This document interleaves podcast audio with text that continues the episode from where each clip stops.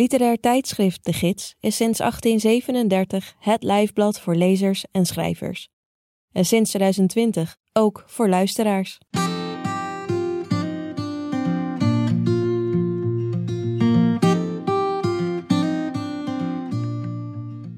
Je luistert naar de 54ste aflevering van Sprekende Letteren.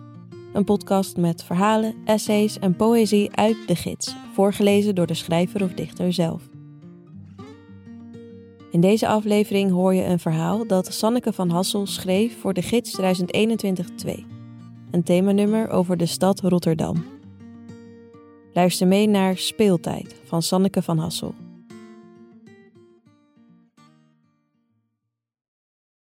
Speeltijd. Ze ziet hem eerder dan hij haar. Hij staat in een groepje jongens, leunend tegen het rek met de schommels. Als ze met haar voorwiel het plein opschiet, draaien zijn smalle schouders zich van haar af. Of is het haar overgevoeligheid? Hoe dan ook, hij wil niet mee naar huis.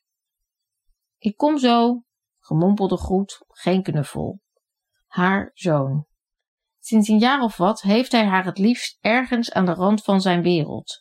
Vanaf daar mag ze hem een bord eten toeschuiven, een stapel schone t-shirts, limonade. Kloppen voor je binnenkomt. En dan is er af en toe een grappig filmpje dat hij met haar deelt, vaak rond een uur of tien. Als ze eigenlijk wil dat hij gaat slapen, zakt hij naast haar op de bank. De jongens staan tussen dennetakken die over het plein verspreid liggen. Tegen het klinkrek hebben de kinderen uit de buurt er een hut van gebouwd. Het zijn restanten van kerstbomen die buurtbewoners naast de afvalcontainer hebben gegooid. Door de pandemie is er nauwelijks grootschalig kerst gevierd. In de straat waar ze haar boodschappen doet, heeft de middenstand het niet doorgaan van de kerstmarkt gecompenseerd door om de 10, 15 meter een kerstboom te plaatsen. Een winkelstraat als een bos, behangen met duizenden lichtjes. Ze wandelde er graag doorheen. Op het pleintje naast hun huis is Mado groot geworden. Ze hoefde maar uit het raam naar beneden te kijken en dan zag ze hem, voetballend, een hut bouwend van twee pallets, zich een weg banend door de bosjes in het plantsoen. Zorg dat ik je kan zien. En ik wil het weten als je met een ander kind mee naar huis gaat. Tot zijn achtste was ze met hem meegelopen om de tegels te inspecteren op glasscherven of ander afval dat hem in gevaar kon brengen. Half lege blikken bier, zakjes wiet. Nog altijd houdt ze een oogje in het cel. Er wonen veel mensen met problemen in deze buurt, zoals die oudere man op de hoek aan de andere kant van het plein, een tanige Surinamer die haar aan haar vader doet denken. Hij wordt gepest door een paar kinderen. Niet door haar zoon, voor zover ze weet. Ze gooien steentjes tegen zijn vuile ramen, roepen zijn naam. Als ze lang genoeg doorgaan, trekt hij de deur open en stormt naar buiten. Hij heeft een kapmes! Hij heeft een mes, roepen de kinderen, en ze stuiven uiteen. Geen idee of het waar is. Maar als het waar is, Mano is op de leeftijd dat hij niet meer met takken sleept of van een plastic zak de heuvel afglijdt, maar vooral staat te praten. Zijn telefoon rond laat gaan met donderende muziek, filmpjes van stunts. Ook hij draait soms de schommels een paar slagen om de buis waaraan ze hangen, zodat de kleintjes er niet op kunnen. Als ze het ziet, roept ze dat hij ze terug moet hangen. Ze pakt haar boodschappen uit Legt de voorgeschilde aardappelpartjes op het aanrecht. In de pan gooien met spekjes en erwten uit de grote zak uit de diepvries. Fijn gesneden knoflook. Met een kippenbout erbij is het net een Frans boerengerecht. Die kippenbouten komen vrijdag weer. Als ze is uitbetaald, gaat ze curry kip maken. Ze draait het gas laag en trekt de jaloezieën op en dan roept ze hem, door het open raam, luid. Ze kan het niet laten. Mano, het eten is klaar. Een hand beweegt vaag haar kant op. Doe dat raam dicht, ik kom eraan. Ze eten vroeg, omdat zij nog moet werken. Zijn humeur is beter dan ze had gedacht. Hij vertelt over een nieuwe game die hij misschien wil kopen. Het gaat over een jongen die kruisvaarder wordt. 60 euro, maar je bent echt zeker 50 uur bezig met de main story. Hij kijkt zo overtuigd dat ze lacht. Als je maar niet vergeet af te wassen. Ze staat op, haast maken. Op haar slaapkamer trekt ze haar blauwe poloshirt aan, de werkschoenen. Het is de laatste keer dat ze naar Xiox gaat. Naar het pand waar nu al zes maanden nauwelijks een werknemer komt. Kus op zijn onwillige haar dat alle kanten opspringt, hoe ze ook kamt of het met pomade in model dwingt. Autosleutels, papieren. Sinds zijn elfde brengt ze Mano niet meer naar haar zus als ze moet werken. Hoe kreeg ze het vroeger voor elkaar om op tijd op haar werk te komen? In haar witte Volkswagen race ze onder de ring door. Het is stil op de weg. Slechts een enkeling rijdt haar voorbij. Ze denkt aan de beelden op het schermpje van haar telefoon. Jongens die stenen gooiden naar de politie. Hoe ze winkels inklommen door kapotte ruiten, een picknicktafel omversmeten. Heel jonge jongens. Hoe geweld zich verschuilt. Een snufje magnesium waar je maar een aansteker bij hoeft te houden, zodat het oplicht tot een felle vlam. De straten van het bedrijventerrein zijn oranje in het schijnsel van de overvloedige straatverlichting. Meters glad asfalt, lege stoepen. In het weekend zou je kunnen rolschaatsen, badmintonnen of skateboarden. Mano met één of twee vrienden. Ze zou ze kunnen wegbrengen. Op de bijna lege parkeerplaats staat de rode Mazda van Bert. Struiken groeien de parkeervakken in, tot aan zijn voorbumper. Ze ziet de afgelopen weken vaker vogels, reigers, meer dan ooit tevoren, bij de vijver aan de linkerkant van het gebouw. Hij draait zijn raampje open. Hé hey dame, hebben we er een beetje zin in, onze laatste avond? Zijn smakelijke lach. Er klinkt muziek uit het gebouw, rock. Misschien krijgen ze samen ergens een klus. Of gaat dit gebouw tegen de zomer weer open? Wie zal het zeggen? Tot nu toe duurde het steeds wat langer. Ze lopen naar binnen, groeten de beveiliger in zijn donkerblauwe jasje, zijn zuidige goedenavond knikje. In het hok aan het einde van de gang staan hun spullen, donker, vol en zonder haakje voor hun jassen die ze over stapels wc-papier leggen. Achter de papieren handdoekjes heeft Bert een rol koekjes verstopt voor hun geheime pauzes. Officieel had je pas een pauze na 4,5 uur werken. Zij vindt het na anderhalf uur wel tijd. Wanneer zij, hij zijn eerste verdieping af heeft en zij de haren. De laatste tijd gaat het soms sneller, omdat er bijna niemand meer komt. Wat ze doet lijkt meer op een inspectie dan op schoonmaakwerk. Ze gaat door klapdeuren die een zoevend geluid maken. Het is zo stil dat je kan horen hoe de lucht zich verplaatst. Meestal is ze niet bang, maar nu stelt ze zich toch voor dat er zich een moordenaar verscholen houdt op de lege toiletten. Straks vloept het licht daar niet automatisch aan en wordt ze toch geacht haar werk te doen. Blijkt er een deur op slot te zijn. Het halfronde vakje onder de deurklink rood. Als ze haar telefoon pakt, zal je zien dat die leeg is. Vreemd, ze heeft hem toch opgeladen? Nu kan Mano haar niet bereiken. Grace, come on, herpak jezelf. Ze gaat de kamer binnen. Er staan vijf bureaus. De stapels papier liggen hetzelfde als de vorige keer. Al twee maanden lang komt ze slechts één keer in de week. De mensen met tijdelijk contract zijn al door het schoonmaakbedrijf ontslagen. Zelf heeft ze minder uren. Met de blauwe doek neemt ze de werkbladen af, lades, lampvoeten. Iemand heeft een foto van zijn vriendin op zijn computer geplakt. Of haar vriendin of een vriendin. Lachend gezicht, paardenstaart, begin twintig. Misschien ook wel de baan kwijt, inmiddels. Ze maakt om een map heen schoon, zet perforators op dezelfde plek terug. Om dingen heen bewegen, soepel. Ze is er goed in, ze schept er eer in. Kantoormensen worden kribbig als er iets verschoven is. Lege prullenbakken lege. Haar telefoon, berichtje van Bert. Tijd voor pauze? Zie je over vijf minuten. Maar ze moet nog zes kamers. En twee toiletblokken. Tss, hij rekent zich rijk. Hun laatste keer. Rekent ook niet op controle. Ze laat haar kar staan en loopt snel naar hem toe. Bert is al in het hok. Hij haalt een thermosfles uit zijn rugzak. Zijn korte, grijsblonde haar is getransformeerd tot ragebol nu de kappers dicht zijn. Oh jongen, zegt ze, ik ben nog helemaal niet ver.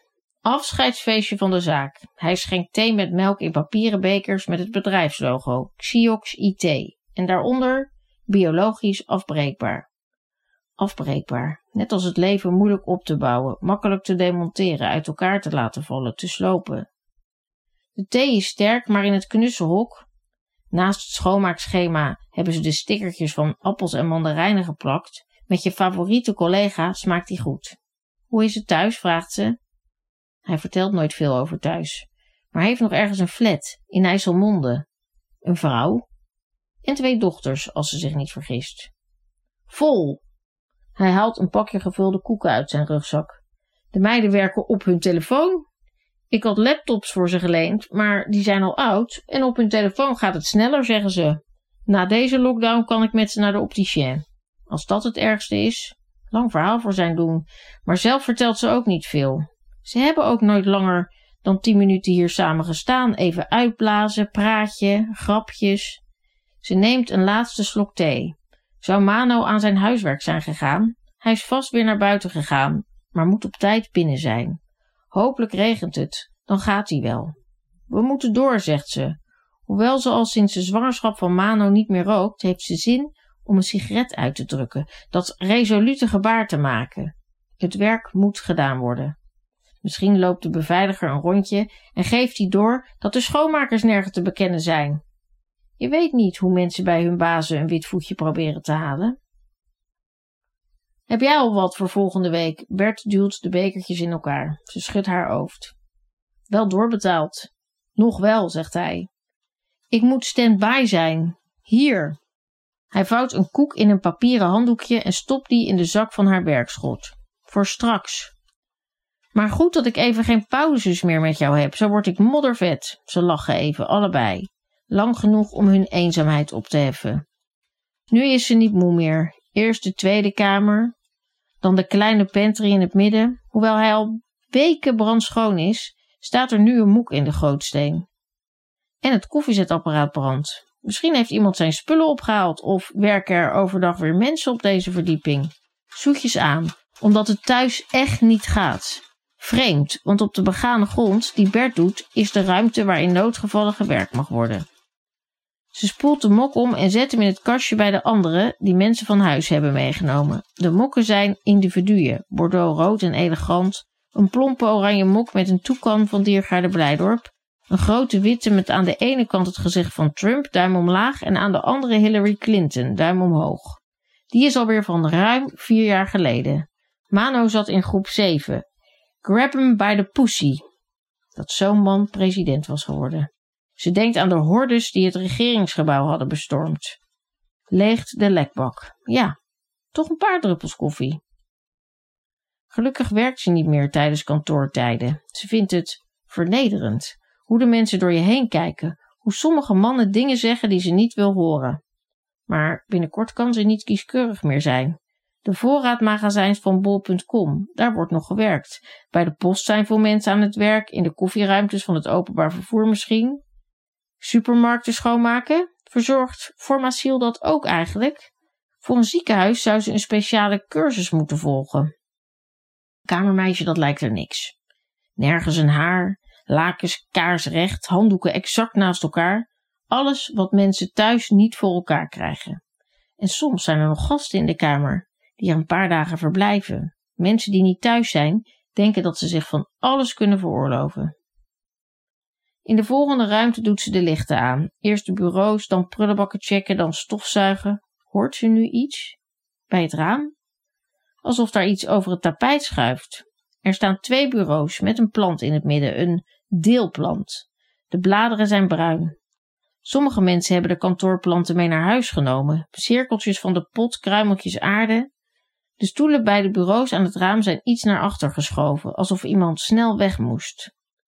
Als ze er naartoe loopt, hoort ze haar adem zich versnellen. Bij het één na laatste bureau steekt een lichtblauwe slaapzak onder het blad uit. Net zo'n lijkzak die ze op tv heeft gezien in Engeland, waar de ziekenhuizen te klein waren voor alle geïnfecteerde patiënten. Hallo! Van achter het bureau klinkt een zachte stem. Een vrouw trekt zich omhoog aan de bureaurand. Ze heeft kleine krulletjes en vuurrode wangen. Van de slaap of van de schaamte? Goedenavond, zegt Grace. Sorry, de vrouw draagt een zijden blouse. De strik bij haar hals zit scheef. Ze is nog geen dertig, maar bij die kantoorvrouwen weet je het nooit. Die blijven langer jong. Heb ik u laten schrikken? U hoeft tegen mij geen sorry te zeggen. Grace hoort dat ze stuurs klinkt, maar ja, dit is ook echt niet normaal. Ik had even geen andere mogelijkheid, zegt de vrouw die tegenover haar staat, op blote voeten met verzorgde teennagels, transparant gelakt. Op het bureau ligt het beeldscherm van een telefoon op, naast de make-up tasje. Uw telefoon gaat, zegt Grace. Die gaat de hele tijd. De vrouw kijkt omlaag. Een nacht even niets, niemand. Ik zei dat ik naar mijn moeder was, maar ze weet dat dat niet klopt. Mijn man liep naar de deur om me tegen te houden. Zij is ook alleen, riep ik.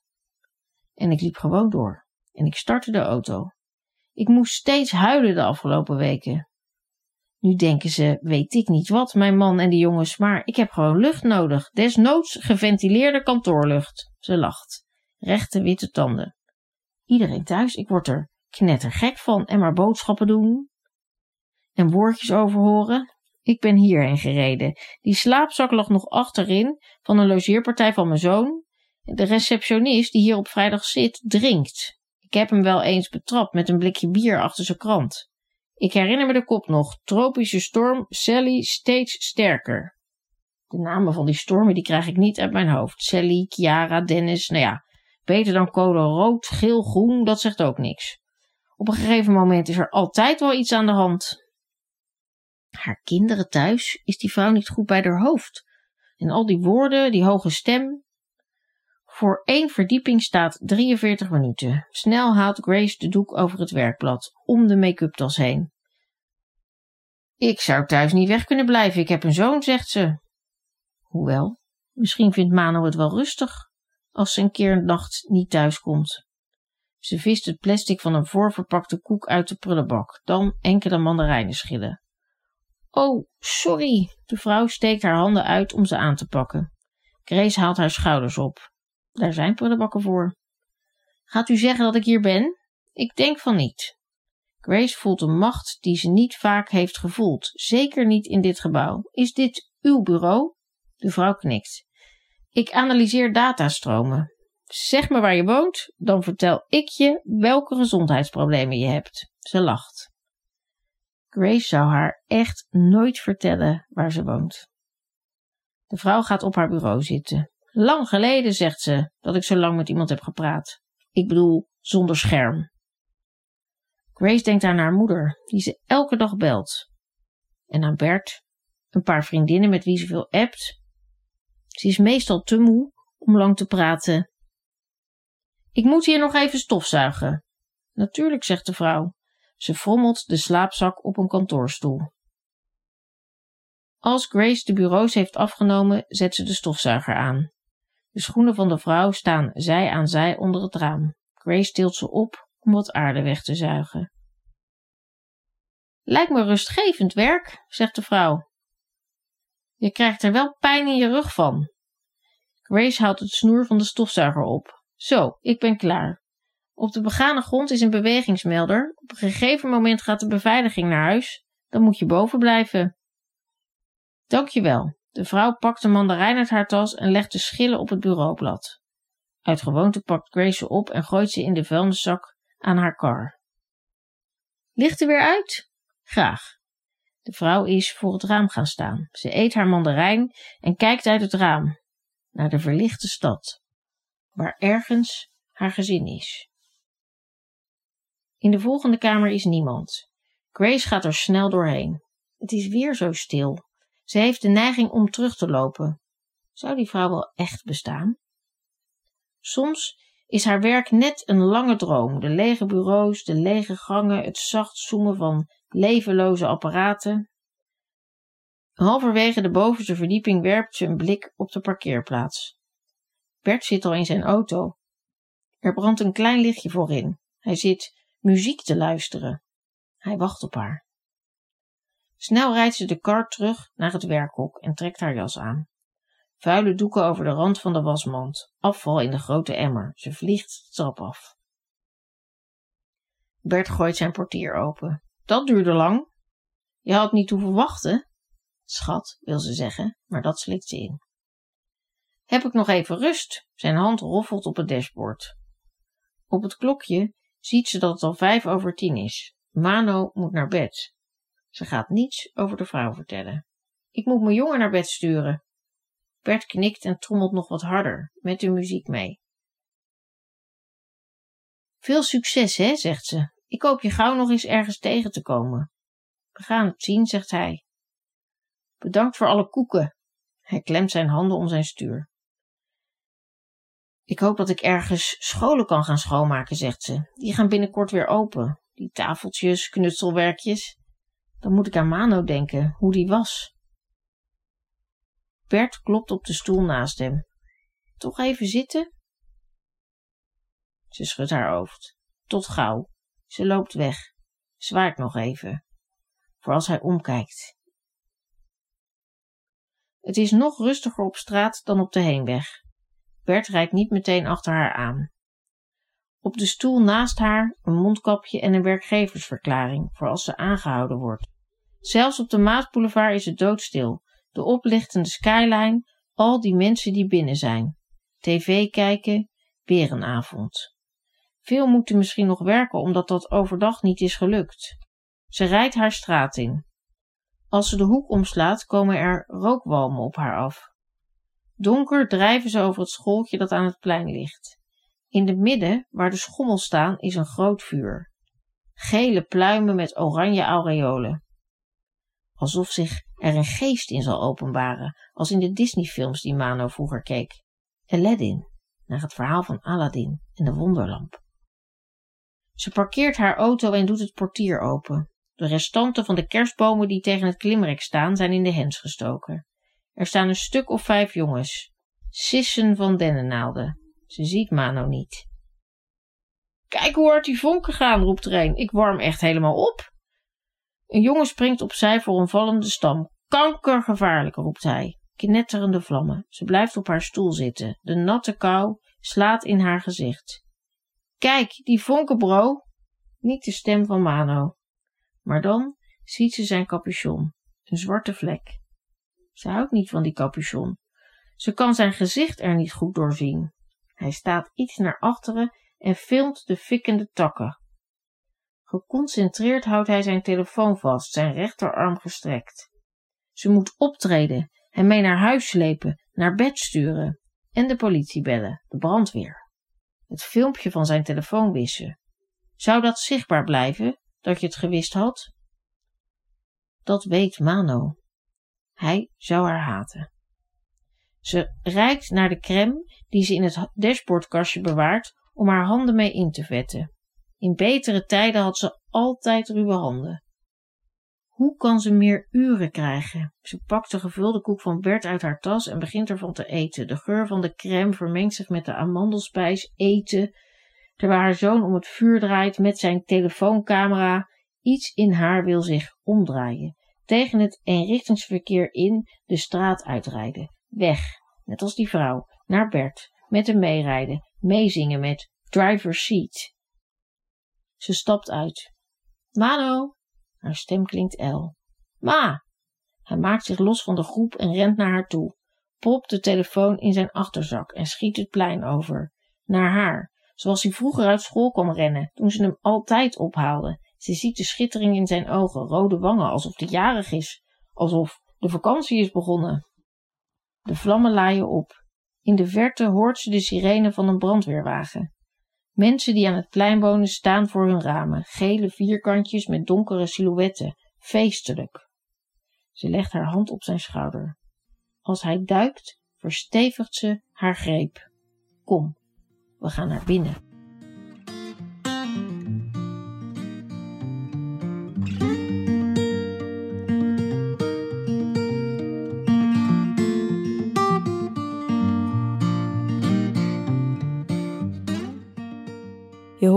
Speeltijd, een verhaal van Sanneke van Hassel. Sanneke van Hassel schreef zes verhalenbundels en twee romans. In 2008 ontving ze de BNG Nieuwe Literatuurprijs voor haar eerste twee verhalenbundels. En in 2013 de Anna Blamanprijs voor haar hele oeuvre. Haar laatste verhalenbundel, Nederzettingen, verscheen in 2019. Wil je dit verhaal of een van de andere bijdragen aan het themanummer over Rotterdam lezen? Ga dan naar onze website www.de-gids.nl. Wat je ook kunt doen op die website is een abonnement nemen op de gids. Vanaf 20 euro per jaar ben je al abonnee en steun je het oudste literaire tijdschrift van Nederland.